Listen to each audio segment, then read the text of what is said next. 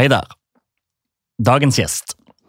Dagens gjest så du kanskje for ikke så lenge siden på Nordkapp. Den eh, sindige, men allikevel rå dama som ble nummer to i 71 grader nord. Eller kanskje du så henne i starten av året sitte i 48 minutter i 90-graderen på Mesternes mester. 48 minutter. Prøv den som vil. Du kan også prøve å kopiere Ida Njåtuns fantastiske karriere som skøyteløper. Ti, ti år i verdenstoppen, ti år uten de samme ressursene, det samme apparatet som eh, både andre vinteridretter i Norge og landslagsløperne fra de andre nasjonene hun konkurrerte mot. Ida Njåtun har tatt VM-medalje og kjempa i toppen i verdenscupen litt, litt, på tross av, over lang tid. Og det, det tror jeg krever noen egenskaper litt utenom det vanlige. Men hva? Hva er det det krever, og hvor, hvor kommer det fra? Hva er det med Ida Njåtun? For hun er, hun er dama som imponerte meg siden jeg jobba litt med skøyter i NRK-sporten for flere år siden. Men som de fleste intervjuene gjør i, i, i mixed zone, eller eh, i ei flyktig sportssending som det ofte var i NRK, så får en ikke anledning til å bli kjent med personen.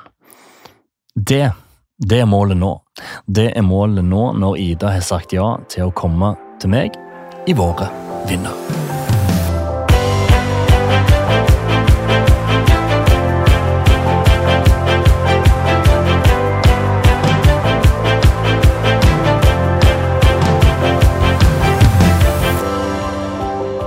Navn? Ida Njåtun. Idrett? Skøyter. Moderklubb? Asker skøyteklubb første konkurranseminne? Det er litt vanskelig å peke ut hva som var det første, for jeg har jo mange, mange bilder i hodet av de tidlige minnene. Jeg husker vi reiste til Geithus. Der har de skøytebane. Og gikk skøyteløp der. Jeg husker at det var veldig gøy, for det, det, var en tur. Og så husker jeg at det var eh, svømmehall rett ved siden av, så han hadde alltid lyst til å dra i svømmehallen etter man hadde vært ute i kulda. Og så husker jeg noe med at det var en eh, veksling der som det ble Jeg måtte få beskjed om at jeg skulle Husker ikke om jeg skulle inn i indre eller ytre, men det var et såpass tidlig stadie at jeg var nok ikke helt trygg der. Hvilken alder er vi her? Kanskje jeg er en uh, åtte år gammel. Ja. Mm. Og hvor langt er Geithus fra der du opprinnelig, opprinnelig trener? og Jeg vil tro det var en uh, drøy time. Ja. Kanskje opptil halvannen. Ja, så det var jo en uh, lang tur til ja. daværet når man er uh, såpass liten. Største opplevelse på idrettsbanen i karrieren? Det var i 2015, VM allround i Calgary, Canada. Da gikk jeg mitt livs 1500 meter og endte da sammenlagt på tredjeplass i VM. Det var kult. Hva er det som gjør det først og fremst så kult? Det var nok den den opplevelsen under den 1500-meteren som var helt spesiell. Det var litt sånn at alt klaffa. Og det å komme i mål, se den tida og ja, kjenne på det lykkesrushet da, som eh, følger med det å, å gå fort. Og det var ikke på den tida så langt bak eh, verdensrekorden som sto da. Og det var en helg hvor det ikke var sånn kjempebra forhold. Tidene generelt var ikke så raske, sånn at det var eh, Ja, det var et veldig sterkt løp. Og det er jo det man som idrettsutøver lever for, de opplevelsene der. Herlig. Hjertelig velkommen til våre vinnere Ida Njåtun. Takk.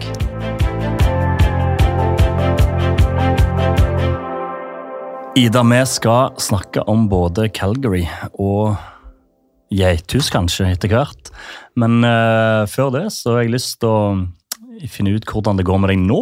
Hvordan går det med Ida Njåtun i desember 2022? Jo, det går fint. Jeg har ikke fått handla noen julegaver ennå. nå begynner det å bli, nå begynner det å bli tett på. Tett, ja. ja. Nei, det er jo fortsatt eh, ikke sånn kjempelenge siden jeg la opp som skøyteløper, så jeg er jo ganske fersk i det nye livet. Jeg har bodd noen år i Stavanger, flytta til Østlandet, Oslo, for ikke så altfor mange måneder sia. Og jeg jobber nå til daglig på NTGU i Asker og så er jeg engasjert som trener i Asker skøyteklubb. I tillegg så er jeg ekspertkommentator på Viaplay sine skøytesendinger gjennom vinteren. Så vintrene er Eller vinteren er travel. Og så blir det vel litt roligere på sommeren, da. Akkurat der er det ganske likt som, som men, det har vært. Men det du sier med at du ikke kom til liksom inn i det vanlige livet, betyr det at julegaveshopping og den biten ikke var en del av uh, desemberrutinene pga. det var så mye konkurranse og sånn? Jeg tror jeg Eller jeg ble ganske god på, på å handle på nett. Ja. For det var ofte mye reising rett før, rett før juletida, så det ble jeg god på. Nå har det vært litt mer sånn armer og bein eh, her hjemme, og da har det nok blitt utsatt litt, ja. Så jeg får bli med resten av hva blir det, halve Norge og, og stå i kø de neste dagene. Ja. ja, for det er vel sånn at de aller fleste utsetter det? Ja, det er jo Det er jo ikke det lureste. Det er det jo ikke. Men eh, det skjer innimellom. Så nevner du um, kommentering på, på Viasat. Um, der er du jo godt i gang, og kommer rett fra ei helg med fantastiske norske resultater. Uh, ja. hvordan, fortell litt om det, og hvordan det er å sitte og formidle dette. Det er jo utrolig kult når de norske gjør det så bra, og det er lenge siden vi har sett et så bredt lag med tanke på gode resultater. Det er litt sånn at uh, ja, det går greit hvis en av de blir syke eller at eh, en av de feiler, for det er alltid noen andre som kan uh, gjøre det bra. Og nå sist helg så var det Ragne Wiklund. Hun satte ny norsk rekord på 5000 meter. Den tidligere rekorden har stått siden 2005, så det er jo en del år siden. Mm. Uh, hun er en jevn palløper på, på de lengste distansene, og er også eh, innimellom helt oppe på 1500 meter, så hun er en kjempeallsidig og sterk løper, og bare helt i starten av 20-årene, så hun har jo hele fremtiden foran seg. Og så er det 18-åringen Sigurd Henriksen. Han eh, ja, satt fyr. Ja. Han satt uh, juniorverdensrekord både på 5 og 10 000 meter. Han er en Ja, det er helt utrolig, det han får til. Og, og, han er jo som sagt 18 år. Kjempetalentfull, åpenbart. Veldig treningsivrig og har veldig mye i seg som gjør at jeg tenker at der er fremtiden veldig lys. Så han er en ny kommende potensiell verdensstjerne? Ja, han er jo Det, det er jo litt sånn skummelt å, å legge press på noen, men ja hvis han fortsetter det arbeidet han gjør, så er jo han blant de som jeg tenker kan være helt i toppen over lang, lang tid. Så det Vi har en spennende tid i, i møte. Så skal vi nok snakke litt om denne timen, om hvor mye som kreves for å holde seg på toppen over lang tid i skøyter. Mm. Det vet du ganske mye om.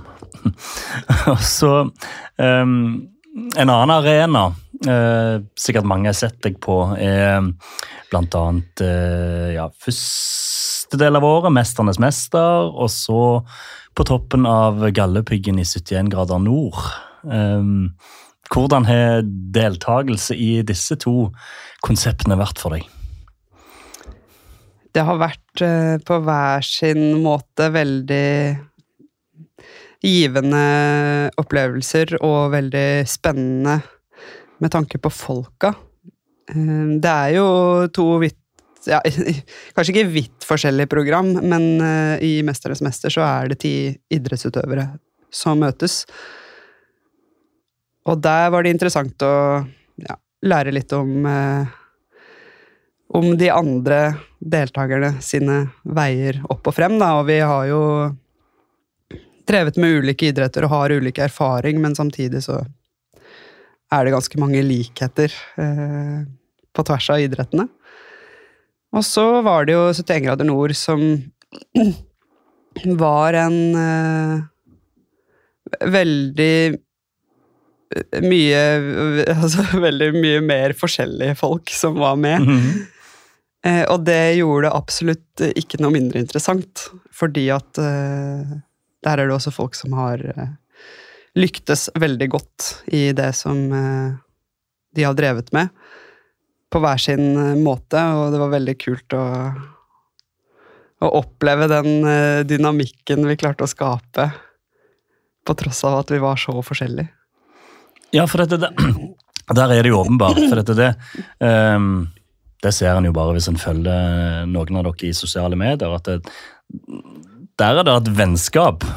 Dere er mye sammen. Ja. Som ofte ser ut til å skje etter disse um, reality-innspillingene der der en blir tette. Og som du sier, litt på tross av ulik erfaring og ulik bakgrunn og ulik ja, tankes, ulikt tankesett, kanskje. Eller kanskje likt, jeg vet ikke.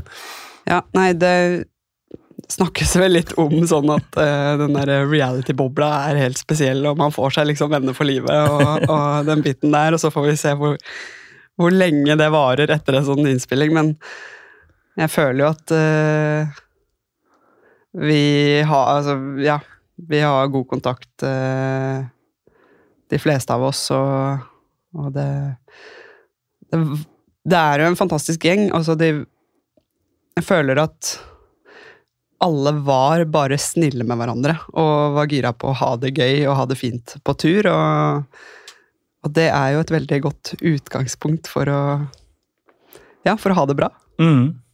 Så tenker jo jeg, altså litt sånn som jeg tenker eh, når jeg starta denne podkasten, så handler det om å bli inspirert av ulike mennesker med ulike veier til sitt mål, eh, nesten uavhengig av, av bransje og idrett og erfaring og mm, hvor de kommer fra. Mm. Og, da, og, da, tenker jeg jo altså der Du kjemper jo på slutten der mot uh, en av uh, Norges morsomste menn over tid.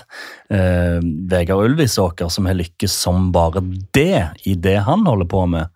Uh, og du kjemper mot Line Andersen, som jeg kjenner godt fra NRK, som kanskje er den beste programlederen jeg noen gang har jobbet med. og bare se hvordan hun jobber og, og forbereder seg. Så jeg vil jo tro at det også der er noe for deg å, å hente ut og la deg inspirere av. Ja, det er det helt klart. Det var eh, fint å bli kjent med nye typer og ja, se litt hvordan eh, de jobber. Det er sånn Du nevnte Line Andersen. Hun eh, er en eh, type som Som jeg på en måte merka at det er ikke tilfeldig at hun har gjort det bra i sin jobb. Du merker hvordan hun tenker gjennom ting. Um, forbereder seg godt. Det er noen ting som ligger der, som gjør at jeg, man kan se at Mm. At uh, hun får det til. Og, og, dette gjelder jo flere. Du nevnte Vegard Ylvisåker òg. Det er jo en, uh, en uh, smart type baki der. han er ikke bare morsom. Det er mye mye bak. Ja. Mm. Og det der er fascinerende. Og mye bak. Da kan jeg jo nevne Fritz Saanes, som satt i samme stol som du sitter i nå, mm. eh, for en tid tilbake. Og en bare skjønte at denne eh, mannemannen. han er så mye mer, da. Så jeg tror jeg sa noe sånn som at dette er jo, dette er jo ærlighet med kjærlighet, Fritz. Og han bare ja, det er, det er kanskje det det er. sant? Og jeg tror, jeg tror er, det er så mange lag der, og det tipper jeg òg. Det var interessant å, å få oppleve så tett som dere var. Ja, Fritz var jo en uh, herlig fyr. Ja. Han er en herlig fyr. Og jeg syns jo det var veldig eh, gøy å bli kjent med han eh, ja, som de andre, men Men han overraska meg nok litt på Får håpe han ikke hører det her, men hvor, hvor skal jeg si, pinglete han kunne være. Fordi at eh, Ja, på forhånd da jeg så for meg Fritz Aanes, så tenkte jeg at dette er en beinhard type. Eh, og det er jo litt sånn han fremstår òg. Jeg husker at jeg prøvde å forberede meg mentalt før vi reiste på denne turen, og kjente jo ingen fra før av. Jeg prøvde å se for meg det verste jeg kan eh, bli utsatt for, og det var i mitt hode strikkhopp. Det er jeg ikke noe interessert i å gjøre, og tenkte at hvis jeg kommer ut for det, så da gjør jeg det. Eh, Og da må jeg forberede meg på at jeg skal gjøre det. Og da så jeg for meg en Fritz som sto ved siden av meg og bare sånn Gjør det. Det er ikke noe, er ikke noe stress. Um, eller en som prøvde å litt sånn litt vippe meg av pinnen. Men da vi sto i litt sånn lignende situasjoner, det ble jo aldri noe strikk-opp, da var det jo han som var den som var redd for, eh, for høyder, og det var jo han som måtte eh, pushe litt i den gode retningen, sånn sett, da. Så det var jo sånn sett litt deilig for meg at ikke det ble så utfordrende mentalt å få den eh, få den beinharde stemmen som jeg kanskje tenkte på forhånd at det kom til å være. Han eh, Ja, han er eh, myk på innsida, eh, Fritz Aanes. Og så ble du nummer to Ida. Eh, Hvordan var det å stå på toppen der og være så nær, men allikevel så langt ifra? Det var veldig eh, Hva skal jeg si? Eh, veldig sånn blanda følelser og veldig sterke følelser. Det var jo En ting var det du sier, at det var så nære. Men det var også noe med det å ha fullført hele turen. Eh, både den takknemligheten med at jeg fikk oppleve alt jeg kunne oppleve, eh, uavhengig av hvem som kom først på toppen. Eh, samtidig den vemodigheten over at det er ferdig. Det er ikke noe det er ikke noe videre, det er ikke noen nye utfordringer. Eh, vi hadde jo blitt litt sånn vant til eh, over den måneden på tur, og det at vi hele tida fikk noe nytt, nye utfordringer. I morgen er en ny dag, pakkeliste, osv. Så, så det var veldig rart å komme på toppen, og så var det på en måte Ja, Tom Stiansen sto der, og det var ferdig. Det husker jeg var uh, var en veldig sånn uh, rar følelse. Og jeg hadde kost meg så mye på tur at uh, uh, Ja, jeg, jeg syns det var litt vondt å reise hjem, rett og slett. Hm. Mm. Men Hvordan var det å få testa egenskapene og verdiene du opparbeidet deg gjennom en lang idrettskarriere i, et, i en sånn en setting? Ja, nei, jeg nevnte jo det med dynamikken i, i en gruppe, da, og jeg syns det var veldig spennende å se hvordan folkene var, hvordan vi kunne jobbe sammen og eh, få det beste ut av hverandre.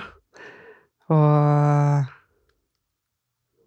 ja, jeg opplevde det som veldig, veldig fint å være på tur. Jeg vet ikke helt om jeg dro av gårde fra det spørsmålet du hadde. Var det Nei, det var midt i det. Ja, ja, ja. ja nei, det var, det var fint. Ja. Så bra. Altså, Jeg pleier ofte å lytte til min kloke mor når jeg lurer på ting. Og hun, Smart. og hun, hun sa hun, sjelden hørt hun så tydelig karakteristikk på et menneske ut ifra noe hun har sett på TV før. Hun var altså, Hun sa Ida Njåtun, skal du møte Ida Njåtun? For ei fantastisk dame. For noen verdier. Så behagelig, men allikevel så offensiv. Og så konsentrert rundt seg sjøl, men samtidig så flink til å se de rundt. Sa min mor. Yes. Ja, Det var veldig hyggelige ord. Så, så du må ha gjort litt inntrykk. Og jeg tror på flere enn min mor. Mm. Hvordan er det å, hvordan er det å høre? Hvordan har det vært å gjøre denne type inntrykk på, på men- mennesker på en annen måte? Ja, nei, det er jo veldig, veldig hyggelig å høre, og, og det er jo Det er jo kanskje ekstra hyggelig fordi at det er litt sånn jeg ønsker å være også. Så det, er, eh, det henger litt sammen med den typen jeg ønsker å være, og det er jo veldig fint å vite at det eh, treffer bra. Jeg er nok eh, Hva skal jeg si? Jeg er eh, nysgjerrig på mennesker, og så er jeg eh, veldig glad i naturen og det den har å by på. Og jeg tror det at jeg fikk være eh, Være så tett på naturen i den settinga der, sammen med de menneskene, det var veldig Det var en helt spesiell opplevelse. Og, og jeg var veldig fokusert på at jeg skulle være her og nå, og på en måte ta inn alle følelsene, og, eller alle ja, opplevelsene, som eh, skjedde hele tida. Det var jo på en måte fra det ene til det andre, men veldig mange av de inntrykkene og opplevelsene var, eh, var jo spesielle. Ikke sant? Vi var jo eh, Plutselig var vi på toppen av et eh, fjell, hadde gått på randonee og så solnedgangen, og så skulle sove ute under åpen himmel. Man så det ble mørkt, var det stjerner, det var stjerneskudd. Eh, Det er på en måte den forandringen som skjer hele tida, gjør at man vil eh, ta inn alle de øyeblikkene. Så jeg var veldig fokusert på det, og det kan hende at det er det som, som kom frem, da. Hmm. Jeg det er artig at du, du snakker med, med stjerne i blikket om dette, og så intenst om dette, mm, når du har vært gjennom en idrettskarriere som er så lang og så intens, men likevel får så ekstrem tenning på et konsept som dette, og har gått så inn i det. Eller ka- kanskje det rett og slett er en sammenheng? At du er, at du er, du er skapt for å, å gå inn i ting? Det kan være. Det er jo Det er jo litt det det handler om. Altså Når man stiller til start og skal gå et skøyteløp, så er det Ja.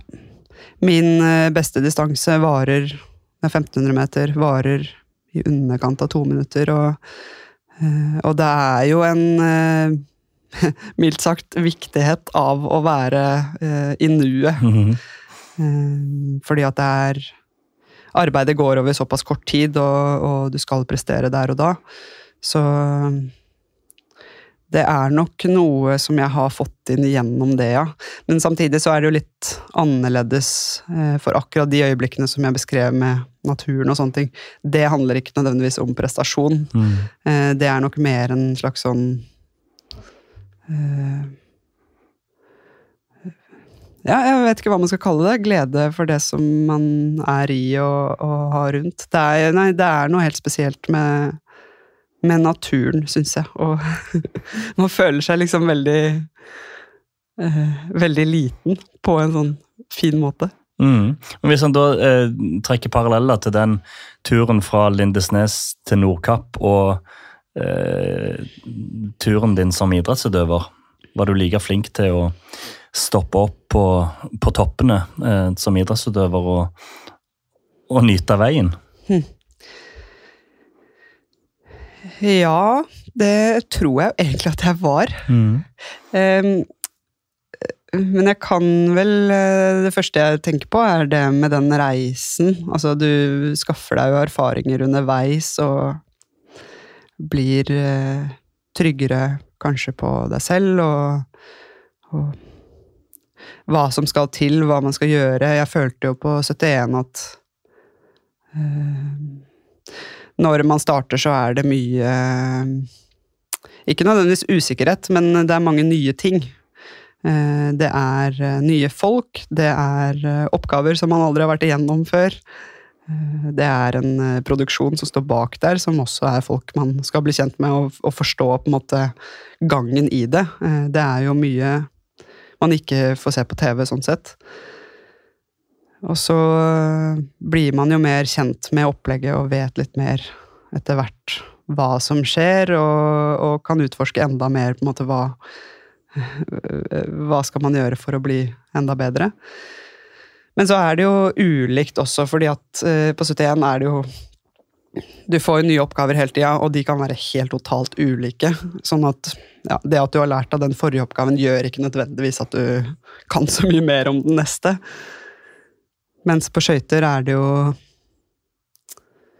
Det er jo den samme oppgaven sånn sett, du skal gjøre, og som du jobber hele veien for å gjøre enda bedre. Sånn sett er det mye mer sånn ja, Kall det konsentrert arbeid om én spesifikk ting. Mm. Og det er jo Det er jo noe som også gjør da at det er noen som er bedre over tid, da, eh, tenker jeg. For det handler om den kontinuiteten og den jobben som gjøres hele veien, og det skillet mellom hvem som får det til over tid, og hvem som kanskje bommer helt, eller bommer litt hele veien, og, og dermed mye totalt. Ja. Hm. Jeg ble gira på disse parallellene nå. Jeg syns det var mye, mye fint der. Men så lurer jeg på da, Ida, hvordan i all verden du havna på Geithus som åtteåring, og hvordan du eh, ble skøyteløper i, i, Asker som, som liten jente. Ja, tenk det. Så mange veier man kan velge i livet, og så velger man ja, Er det mulig? En 400-metersbane går rett frem og til venstre, og så gjør man det i en Hva blir det? Drøye 20 år.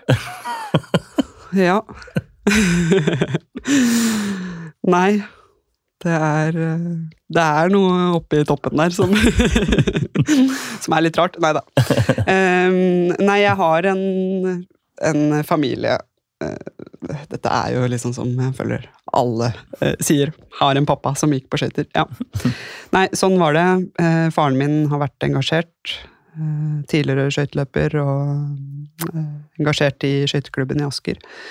Så hadde jeg på det tidspunktet en uh, storebror. Jeg har fortsatt en storebror, uh, men han gikk da på skøyter. Så det var litt sånn naturlig at jeg skulle prøve det. Men vi var en veldig aktiv familie, og jeg var innom veldig mye forskjellig. Sånn at det var ikke sånn at uh, at alle satte det opp til at det er skøyteløper du skal bli. Sånn var det ikke, men det var helt naturlig at vi var innom, innom skøytebanen. Jeg husker søndager at vi var Vi var på isen på Risenga og ja, var der gjerne hele dagen med, med termos og Kvikk Lunsj og ja.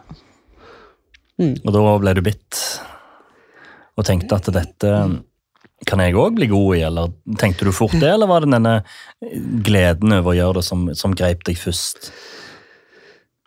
Um, ja hvis jeg skal starte fra starten, da, så var jeg jo på skøytebanen fra jeg kunne gå, omtrent. Eh, og så husker jeg en eh, Etter hvert, da. Eh, kanskje ikke så vidt kunne gå, men etter hvert så tenkte jeg at jeg syns kunstløp var veldig kult. Ja. fordi at det var så akrobatisk, og, og jeg ville jo bli altså, ja, Litt sånn typisk eh, småbarnsjentedrøm, bli prinsesse og bli alt det der, ikke sant? var innom det der. Åh, glad jeg ikke valgte den veien. Nei, men Ser du ikke for deg sjøl i tullskjørt og nei, nei, det der hadde ikke blitt noe av, tenker jeg. Eh, Det som skjedde, var at jeg fikk på meg et par lengdeløpsskøyter, og da var jeg nok solgt ganske fort. For det var noe med den eh, farta man kunne skape, og jeg har blitt fortalt av mine foreldre at jeg var en som eh, likte fart. Sånn i alt jeg gjorde. Jeg var en propell som var litt sånn eh, De måtte passe veldig på meg på da vi var på tur ulike steder, hvor som helst. Jeg kunne forsvinne når som helst. Jeg løp overalt og eh, eh, Ja. Jeg var glad i fart, så jeg tror det var det som eh, Som solgte meg. Hvor tidlig var det du så at ehm, i tillegg til å bli solgt, og at du ble Oi, jeg kan jo faktisk bli skikkelig god i dette. Det er nok eh, Det er vanskelig å stadfeste eh, en dato, men det er nok noe som har kommet litt gradvis. Jeg var eh, ganske god i aldersbestemte klasser. Og det gjorde nok hele tida at jeg følte både at jeg til å lyktes og var god, men nå det at jeg hele tida eh, ja, hadde litt den selvtilliten da, til at, eh, til at jeg får det til. Og så var det samtidig sånn at det var andre i, i min klasse som var gode. Det var ikke bare å seile inn til seier, jeg måtte kjempe hele veien. Så det var en trigger helt fra ja, kanskje så tidlig som 11-12-årsalderen. Uten at jeg nødvendigvis tenkte da at jeg som voksen har lyst til å eh, bli god til det her. Men det har hele tida vært en sånn trigger at eh, både den selvtilliten som kommer med å gjøre eh, gode Få gode resultater, men òg den fighten med de andre, da. At du, du får ingenting gratis, du må kjempe for det. Så det var nok en kombinasjon av det. Og så var det vel eh, Jeg drev jo med litt andre ting. Jeg spilte fotball. Jeg spilte tverrfløyte i en del år. Ja. Så jeg var innom musikken nå. Eh, og det ble jo mer og mer eh, tidkrevende eh, på alle arenaer etter hvert som man ble eldre. Jeg tror jeg slutta å spille fløyte vel da jeg var en kanskje 12-13 år, og så var det ytterligere to-tre år eller noe sånt på fotball før jeg ja, begynte å slite med noe kneslatters eh, i knærne, for de som vet hva, hva det er. Noen litt sånn kneproblemer. Eh, og så, ja, ble jeg vel tatt ut til et sånn Jeg vet ikke om man kan kalle det kretslag, men noe litt sånn lignende på fotball. Som gjorde at det ble treninger på vinteren òg, og da ble det ja, totalt sett litt mye. Så da måtte jeg velge, og da var det egentlig ikke noe sånn vanskelig valg. Det har vært veldig naturlig for meg å velge skøyter hele veien. Og så naturlig, og, og så ble du så god at du ja, Jeg vil tro at du tenker på det som ditt store gjennombrudd i 2010. Eh, da du kom inn i verdenscupen som 19-åring hadde din første opptreden i A-gruppa. Og ble nummer to i verdenscupen som 19-åring. Eh, Hvordan er det? Hvordan var det? Nei, det var kult. Eh, Kort svar. Jeg hadde en eh, utvikling det året som var ganske enorm. Jeg tror nok at baki der så lå det eh, en slags bitterhet over at eh, jeg skulle gjerne vært på det OL-laget i 2010. Ja. Uten at det nødvendigvis ble nevnt noe sted. Og det var ikke sånn at jeg burde bli tatt ut, men eh, var ikke tatt ut. Så det var ikke noe sånn, det var bare at ikke jeg var god nok. Eh, Men jeg var ikke sånn kriselangt unna. Eh, Og, og jeg hadde allerede da vært et, ja, et drøyt år på trent med landslaget. Så jeg hadde jo Treningsgruppa mi var jo den gjengen som reiste til OL, så jeg tror det, det nok var litt sånn ekstra det at jeg kjente på det. Eh, og jeg tror nok kanskje at det var et utgangspunkt for eh, min motivasjon til å bli enda bedre. Eh, og så var det Ja, det var nok en kombinasjon at jeg ble litt eldre, og det var litt ja, det var jo noe trening, trenerskifter der, og litt nytt opplegg og sånne ting, som var veldig gunstig for meg. Jeg hadde en veldig god utvikling gjennom den sommeren, og alt lå til rette for at det skulle bli en bedre sesong, og så var det jo var det jo Det ble jo ganske mye bedre enn det som eh, jeg hadde kanskje drømt om at skulle skje. Så det var første helga i verdenscupen hvor jeg gikk i ja, det man kaller B-gruppa, som er det som ikke vises uh, på TV. Det er liksom Ja, det er en B-gruppe. Eh, og så rykka jeg vel opp på samtlige distanser til A-gruppa. Eh, så da hadde jeg helga etter min første opplevelse i A-gruppa, og endte rett opp på pallen, og det var ganske da sto jeg jo plutselig der med de som hadde vært på pallen i OL et halvt år før, hvor jeg hadde sett på TV og tenkt at åh, der skulle jeg vært. Så det var en ganske vill opplevelse. Ja, Det vil jeg tro. Nå var jo ikke dette juniorverdensrekord, eller eh, likt som Sigurd Henriksen, men samtidig så er du litt på samme stad i karrieren som han er mm. nå. Eh, mm.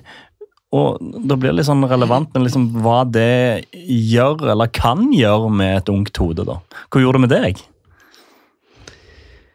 Uh, nei, man jeg, jeg, tror nok det blir litt sånn at du tenker at jeg kan, uh, jeg kan klare alt. Mm -hmm.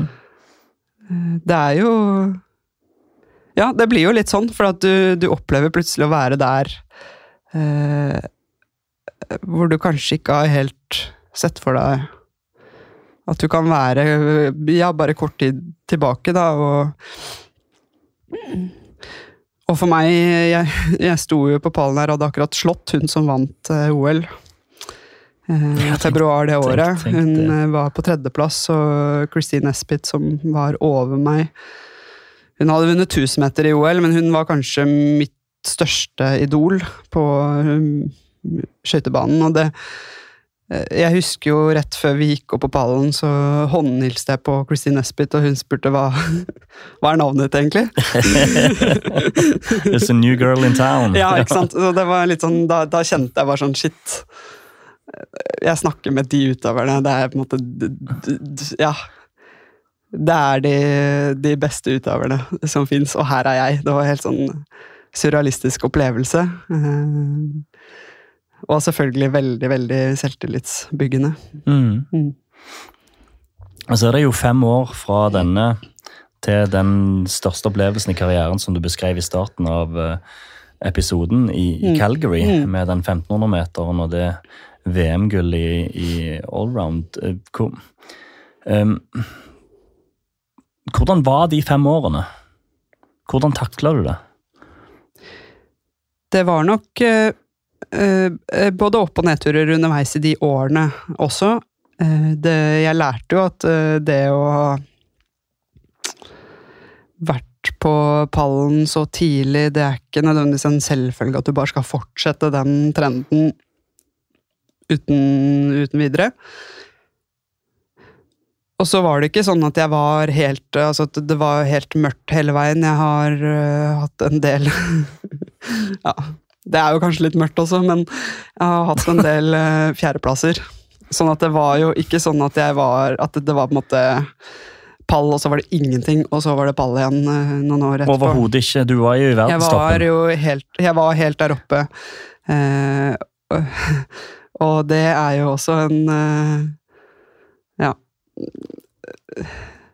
Det er også den med at man opplever gang på gang på gang at du er rett utafor, og den følelsen at du gjør alt det I hvert fall jeg følte var uh, det som skulle til for å ta de stegene, da. Og så var det jo alltid Enten så var det at jeg gikk eh, kjempebra skøyteløp, og så var de andre bare bedre enn meg. Eller så var det andre ganger hvor eh, det var ting som ikke funka, eller det var sykdom, eller det var ting som gjorde at ikke jeg var helt på topp da jeg skulle, da. Så det var jo litt sånn eh, Litt forskjellig sånn sett. Men eh, jeg kjente nok eh, lenge på den at Åh, jeg vil opp. Jeg vil opp igjen. For du var, du var hele veien klar på at jeg skal kjøre på videre. Jeg skal stå i dette. Jeg skal være sta. Jeg skal opp der. Ja. Det var jeg nok. Det, det, er, veldig sånn, det er veldig lett å bare si ja, eh, fordi at øh, fordi at ja, det var jo sånn, men, men det er ikke nødvendigvis sånn at jeg hele tida tenkte at yes, dette, nå skal jeg ut og trene, og dette blir bra.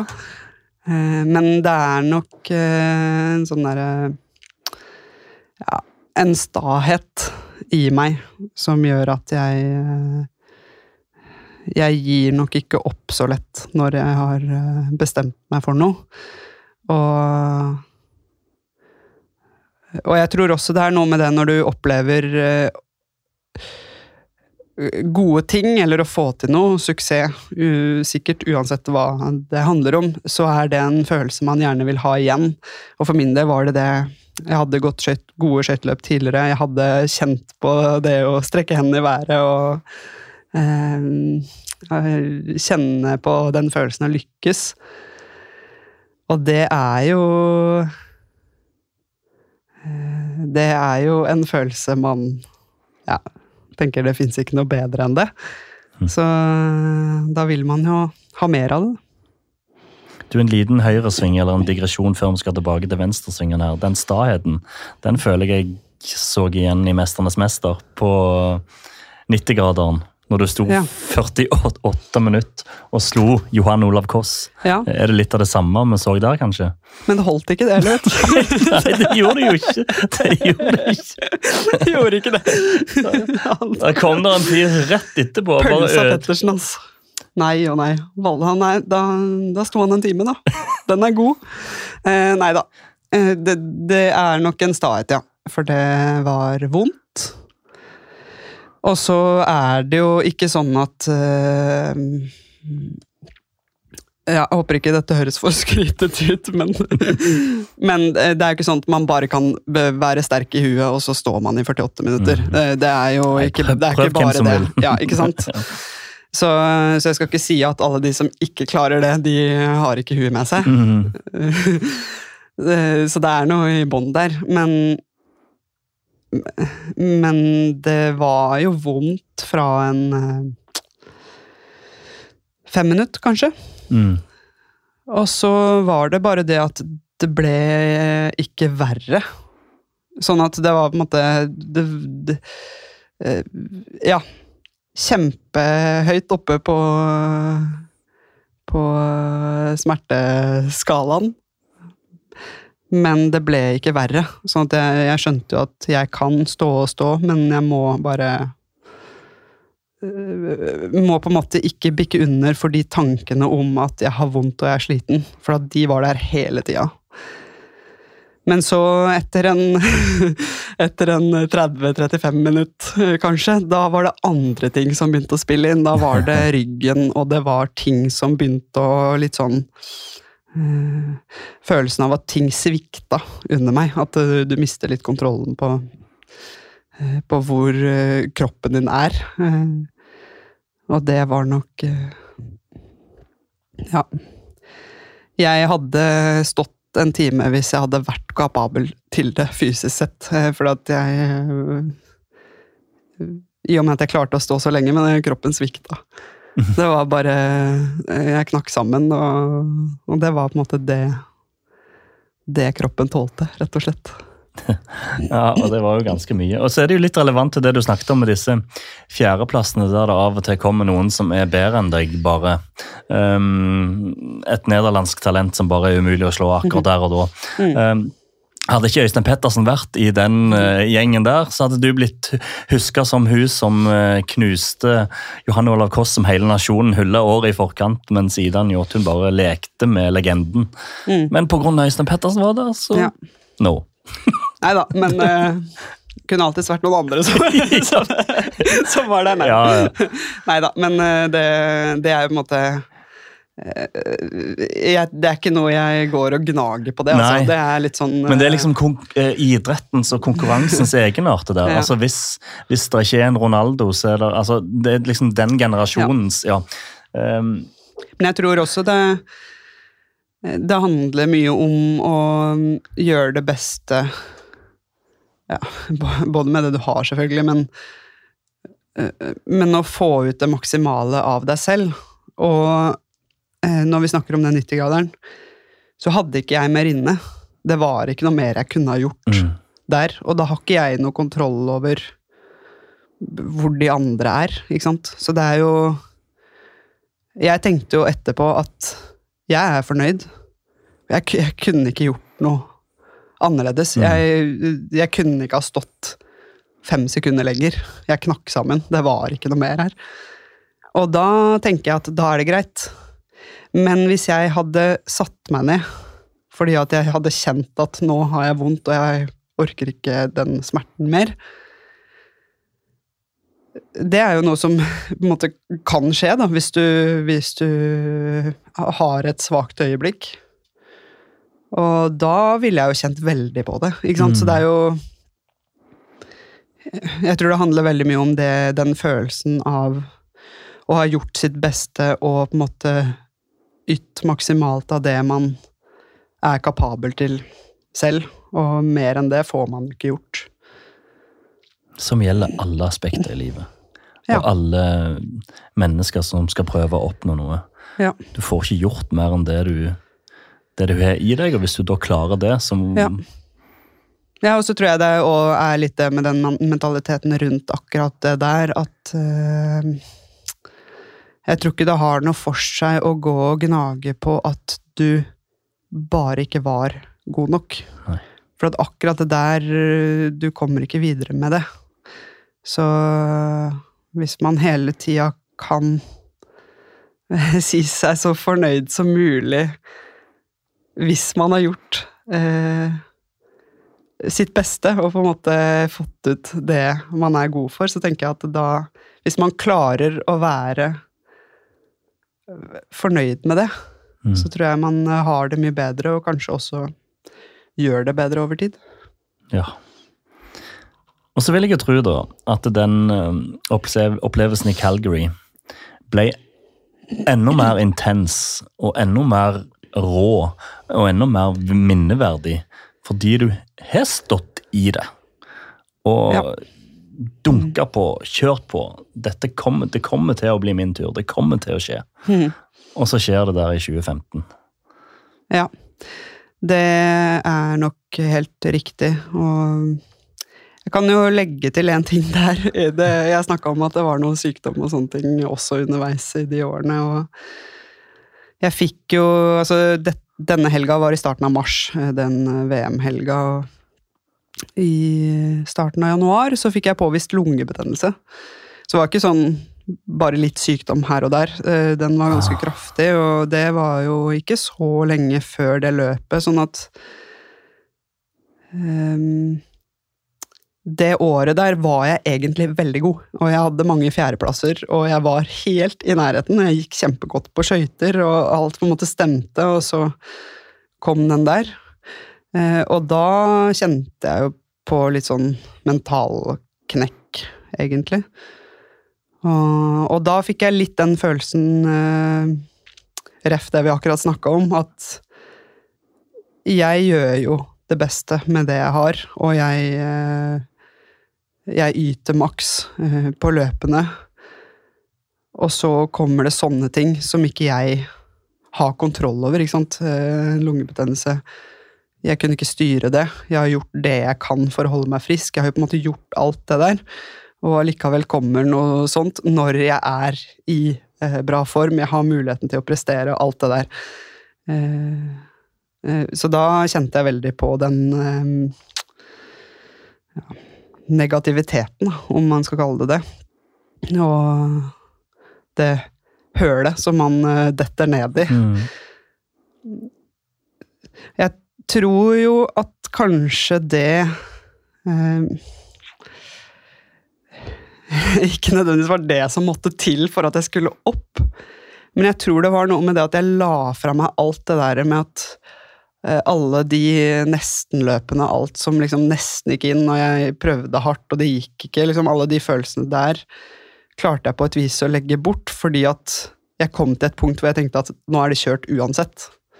Sånn at det, det, det spiller ingen rolle. Nå bare gjør jeg jobben min, nå bare gjør jeg det jeg skal for å komme opp igjen. Reiste over til Calgary etter hvert. Jeg hadde jo blitt frisk på det tidspunktet. Fikk noen gode treningsuker.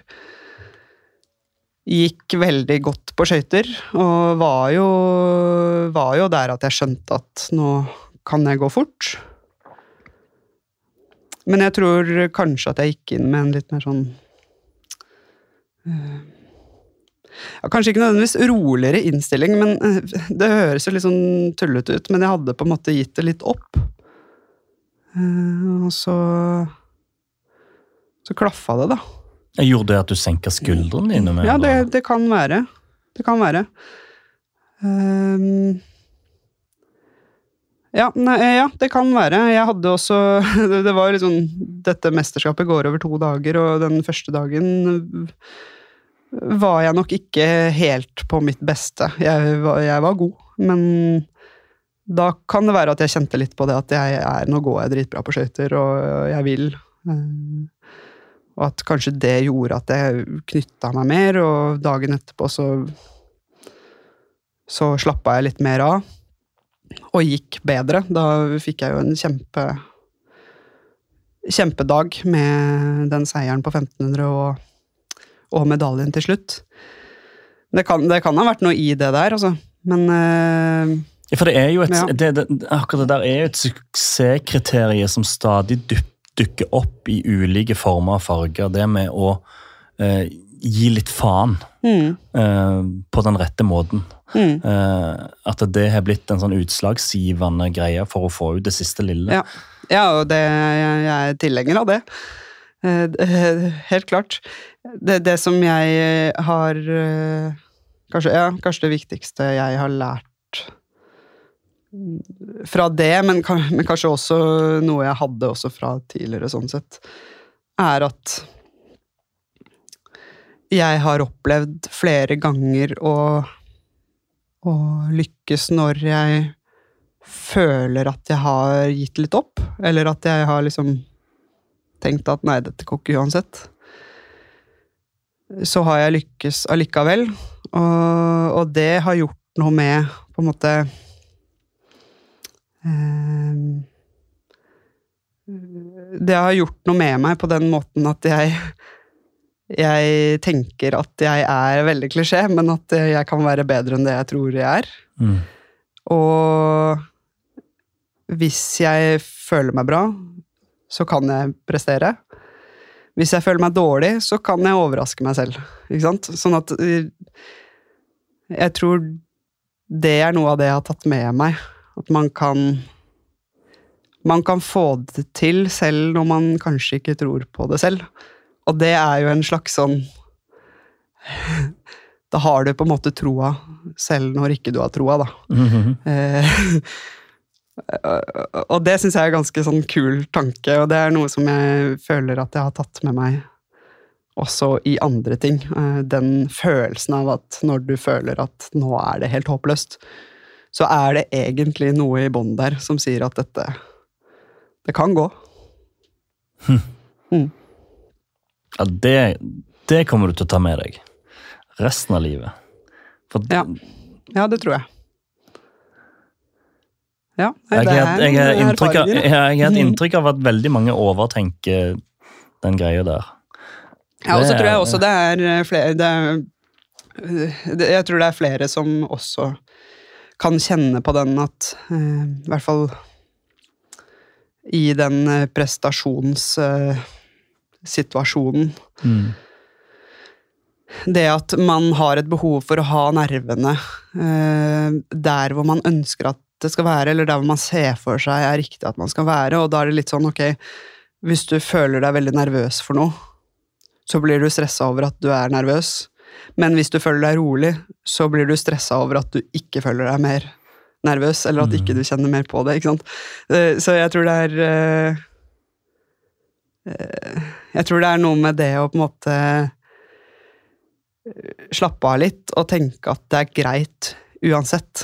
Hvis du føler deg slapp, så kan du prestere. Hvis du føler deg trigga eller veldig nervøs, så kan det adren adrenalinet gjøre at du får det til. Det at du kan ha litt sånn ulike innganger til det, og, og den følelsen du sitter med, definerer ikke nødvendigvis hvordan, hvordan du er, eller hva slags form du er i, eller hvordan du vil prestere, men men det handler om å, å på en måte bruke det riktig, da, og, og klare å liksom tenke det. Ja. Det der høres Det der er rett og slett et skikkelig godt verktøy til å ikke krisemaksimere litt Mm. ut ifra ulike situasjoner, da. Sant? Ja. Det, det er jo ikke tenke at ok, nå føler jeg sånn, da Mm. går det til helvete uansett. Eller at Ja. eh, ja, altså det å hente ut det beste i hver enkelt Mm. situasjon. Eller å tenke at eh, det, går, det går til helvete, men hvis det går til helvete, så går det bra. Ja. Så kommer jeg meg gjennom det. Ja, ja, men litt sånn Ja. Nei, jeg vet ikke. Det å, å klare å slappe litt mer av, og det er jo lettere sagt enn gjort, men det ehm, Ja, men det er jo en prosess, det også, og, å jobbe med det tankesettet der. Ja. Men jeg har følelse av at måten du har jobbet med deg sjøl gjennom disse ti årene i verdenstoppen, har bidratt til å gitt deg ganske mye nyttig erfaring i topplokk, altså. Ja. Jeg hadde i hvert fall gitt meg erfaringer som jeg kan ta med meg videre i resten av livet, og ja, kanskje litt sånn eh, grunnleggende verdier. Hva, hva er viktig for meg? Hva, hva trenger jeg? Hva kan jeg gjøre for å bli eh, bedre på det jeg driver med, eller et bedre menneske? Så kan det hende jeg hadde fått med meg det på et annet vis hvis jeg ikke hadde drevet med skøyter. Det er jo helt umulig å si det, men, eh, men eh, ja, nei, det er jo nyttige erfaringer, ja. Ja, så er du, du, du har stått i så mye, og så har du lykkes allikevel.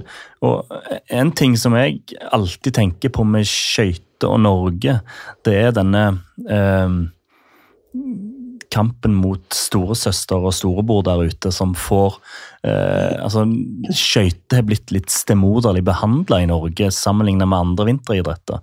Og ressursene i f.eks. Nederland, som du har jobba mot, eh, og kanskje tatt noen fjerdeplasser mot det, sant? det å takle det i tillegg, og liksom å tenke, vite i bakhodet at det, Åh, tenk hvis vi også hadde hatt forholdene lagt til rette på samme måten. Ja, ja da, eh, og det er jo Man er jo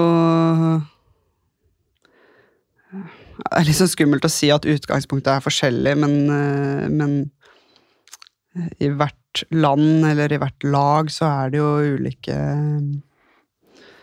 ressurser og selvfølgelig økonomi. eh, som spiller en rolle for hvem, eh, hvem har eh, mulighet for å utvikle utstyr og eh, diverse ting.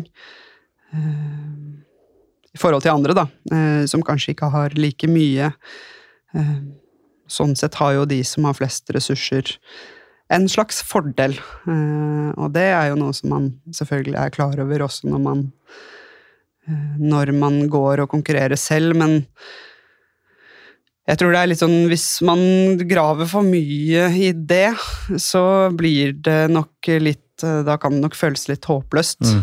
Sånn at eh, det handler mye om å gjøre det man kan med det man har. Og så tror jeg òg Jeg tror det er, det, er, det er dumt å på en måte bare tenke på at de andre har mer, eksempel, og har bedre muligheter til å utvikle ting. Eh, eh, Men det kan jo også være at når man når man fokuserer på å gjøre det man kan med det man har, da blir man bedre. Og kanskje det er en, er en slags, kall det fordel, når man har mindre, fordi at det fokuset blir kan, kan bli sterkere, da. Mm. Enn hvis du har masse penger, du har masse ressurser til å gjøre hva du vil, og da kan det jo kanskje også Jeg vet ikke, At uh, man kan kanskje miste fokus også på hva som er uh, det viktigste. Det har jeg i hvert fall likt å tenke selv, da, Mm. eh, i og med at vi har vært litt sånn eh, eh, Ja, som du sa, lille, lillebror, lillesøster, i eh, det der. Ja. Ja, for Du har jo på- på sett og vis vært på en ti års knallhard treningsleir i å fokusere på det en kan gjøre noe med. Ja. ja, det vil jeg si, og det er jo ikke eh, Det er jo ikke noe hemmelighet at uh, man har i hvert fall ikke så langt blitt rik av å satse på skøyter, sånn at det ligger jo noe helt annet i bånn, og en helt annen eh, motivasjon. Så ja. Mm. Men Tenk så mye du har nå å formidle videre, både som ekspert i, i Viasat og som, og som lærer til disse unge som skal bli den nye Ida Njåtun eller uh, Henriksen. Altså, uh, alt det vi snakket om nå, er jo ting som kommer disse til nytte. Ja. Ja, det kan det være, og, og det er jo veldig Veldig givende for min del å kunne Kunne bidra med det som jeg har lært, og så og så er det ikke nødvendigvis sånn at den veien jeg har gått, er på en måte den veien alle skal gå, men, men det handler jo litt om de erfaringene man har bygget, og eh, Og hva man har opplevd selv, som også andre kan ta lærdom av, på samme måte som jeg kunne prate med eh, folk som hadde gått på skøyter eller var bedre enn meg da jeg var ung og, ung og lovende, sånn sett. Og prøve det jeg kunne, og lære av dem. Var det vanskelig å kutte snora fra idretten, fra karrieren? Tenker du å kutte snora som å, Som å legge opp, eller Ja, gi seg på toppnivå. Gi seg, altså Ta et, et lite skritt ut av denne bobla du har beskrevet. Eh, og starte dette nye livet der en ikke bare handler julegaver på nettet. Man kan gå i butikk òg, Ja. tenker du? Ja, Det er mulig. Det- Nei, det er jo veldig vemodig, da, selvfølgelig. Jeg øh, øh, skal ikke si at ikke det har vært vanskelig, eh, fordi at det er jo et helt liv som du En ting er hva du har drevet med, men det er folka, det er på en måte alt rundt som du må gi litt slipp på. Eh, Og det er jo også det når du, når du går ut av det, så går du også ut av det miljøet som er sammen hver eneste dag og opplever ting. Og ja, du kan ha kontakt med dem, men man er ikke der eh, når ting skjer. Så du vil jo bli litt utafor på den måten. Eh, og det er klart, det er jo rart. Og så på andre sida så er det jo det med jeg skal si eh, Utvide horisonten, perspektivet litt. Og se at det finnes så mye mer her enn det å gå eh, fort rundt og rundt og rundt på en skøytebane. Mhm. Eh, Det fins andre miljøer, det fins andre folk, eh, det fins andre ting å drive med. Eh, Og så er det jo noe med den eh, Ja Den eh, gleden av å kunne kanskje være litt mer spontan. For at jeg har eh, Det er jo Jeg har jo vært veldig vant til å leve i den derre hvor alt Alt du gjør gjennom et døgn, er Det påvirker prestasjonen i morgen eller et, et eller annet sted der fremme, langt der fremme. Mm. Og det har jo vært en livsstil, sånn at det er ikke sånn at, det, at jeg har følt nødvendigvis at det har kosta mye, eller at jeg har måttet ofre mye og sånne ting. Det, det har vært helt fint, det. Men så har jeg lagt det her fra meg, og så har jeg tenkt litt sånn jøss. Jeg må ikke være den første som reiser hjem i dag, hvis man er uh, ute, eller uh, Jeg kan feire jul sånn som alle andre feirer jul. Eh, Jeg Mhm. kan til og med skeie litt ut i jula, hvis jeg har lyst til det. Ja, tenk det. Ikke sant? Alle sånne, sånne småting som man som ikke jeg nødvendigvis har følt at jeg har ofra, men som jeg nå ser at jøss, det er mulig å være litt seint oppe flere dager på rad. Ja. liksom, ting som kanskje eh, andre folk eh, ikke har tenkt så mye på, da. Mm. Og du kan ta et glass med Vegard og Line og Fritz og Ja, Gjengen. nei, det går helt fint, og hvis det blir et par timer eh, senere enn det som jeg først hadde planlagt, så, så kan jeg leve med det også. Det ville Mm. vært verre hvis jeg skulle opp tidlig og, eh, og få til en god treningsøkt.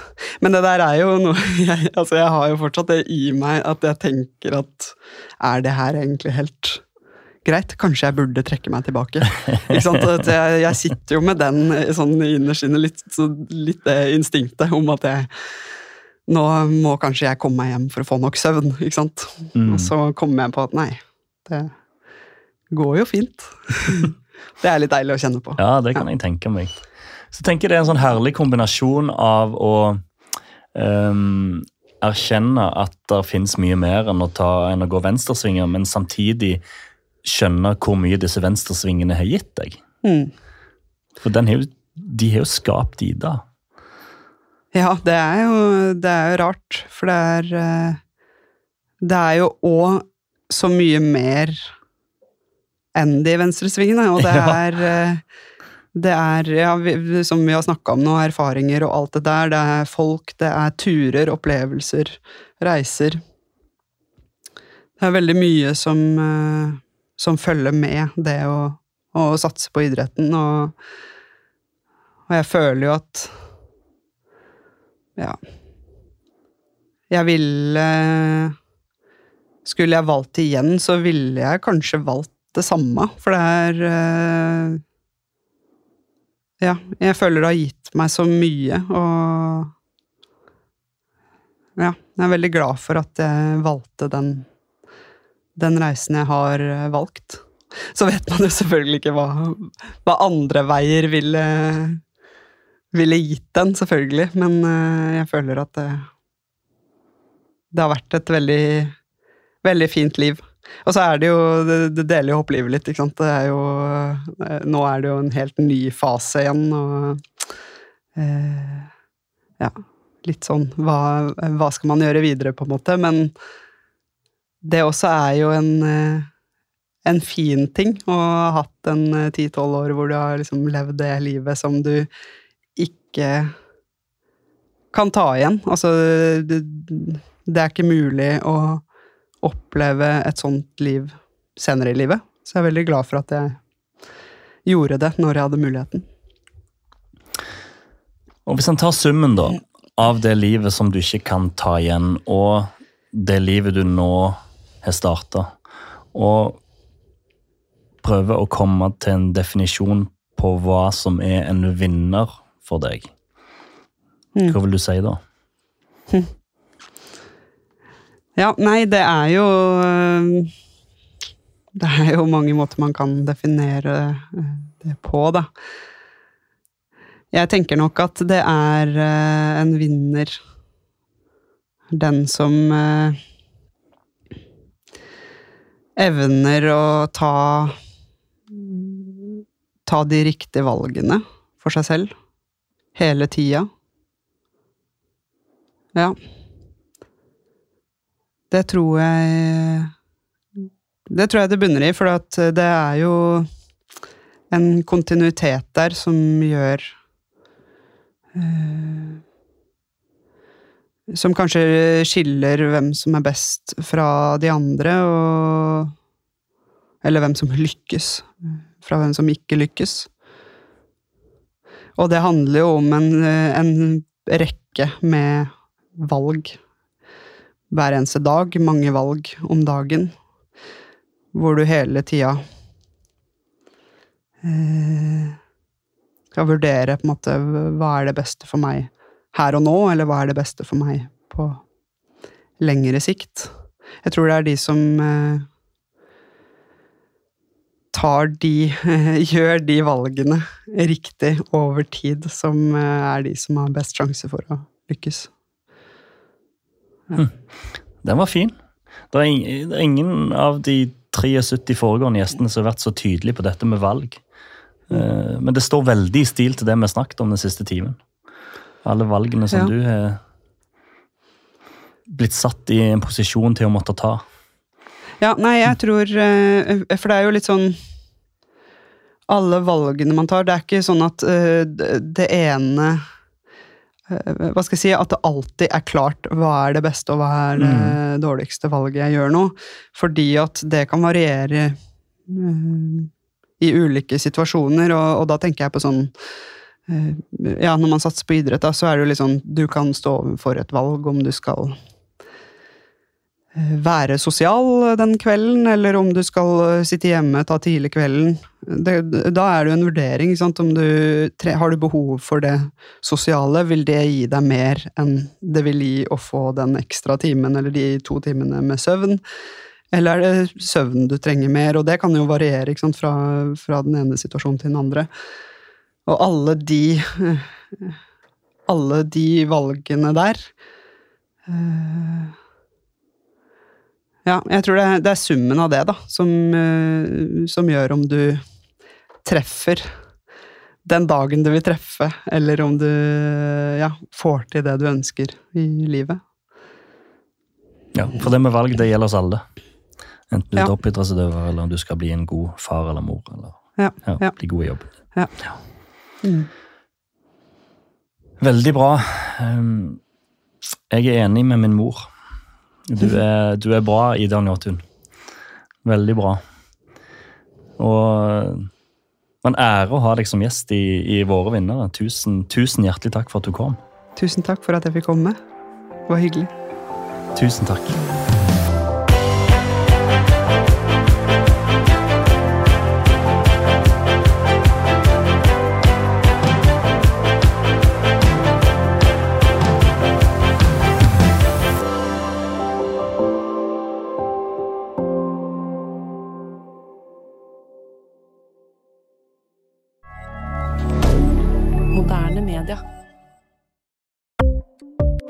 Ukens annonsør er Folio, en smartere banktjeneste for deg som har en egen bedrift eller ønsker å starte for deg selv.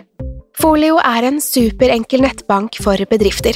Som kunde i Folio får du en bedriftskonto med et bedriftskort og app. I denne appen er det smarte løsninger som forenkler regnskapet ditt, uansett om du har en liten bedrift eller et enkeltpersonsforetak. Folio er både intuitivt og brukervennlig, og er laget med et enkelt språk. I tillegg tilbyr de forutsigbare priser og ingen skjulte gebyrer. Skulle du likevel trenge det, så kan du snakke med deres raske og hyggelige kundeservice, og der får du prate med en faktisk person og ikke en chatbot. Folio er med andre ord både enklere og koseligere enn banken. Over 10 000 bedrifter har allerede valgt Folio som sin banktjeneste, så besøk folio.no og se hvordan Folio kan forenkle din hverdag også. Har du et enkeltpersonforetak eller en liten bedrift? Da er du sikkert lei av å høre meg snakke om hvor enkelt det er med kvitteringer og bilag i fiken, så vi eh, gir oss her, vi. Fordi vi liker enkelt. Fiken superenkelt regnskap.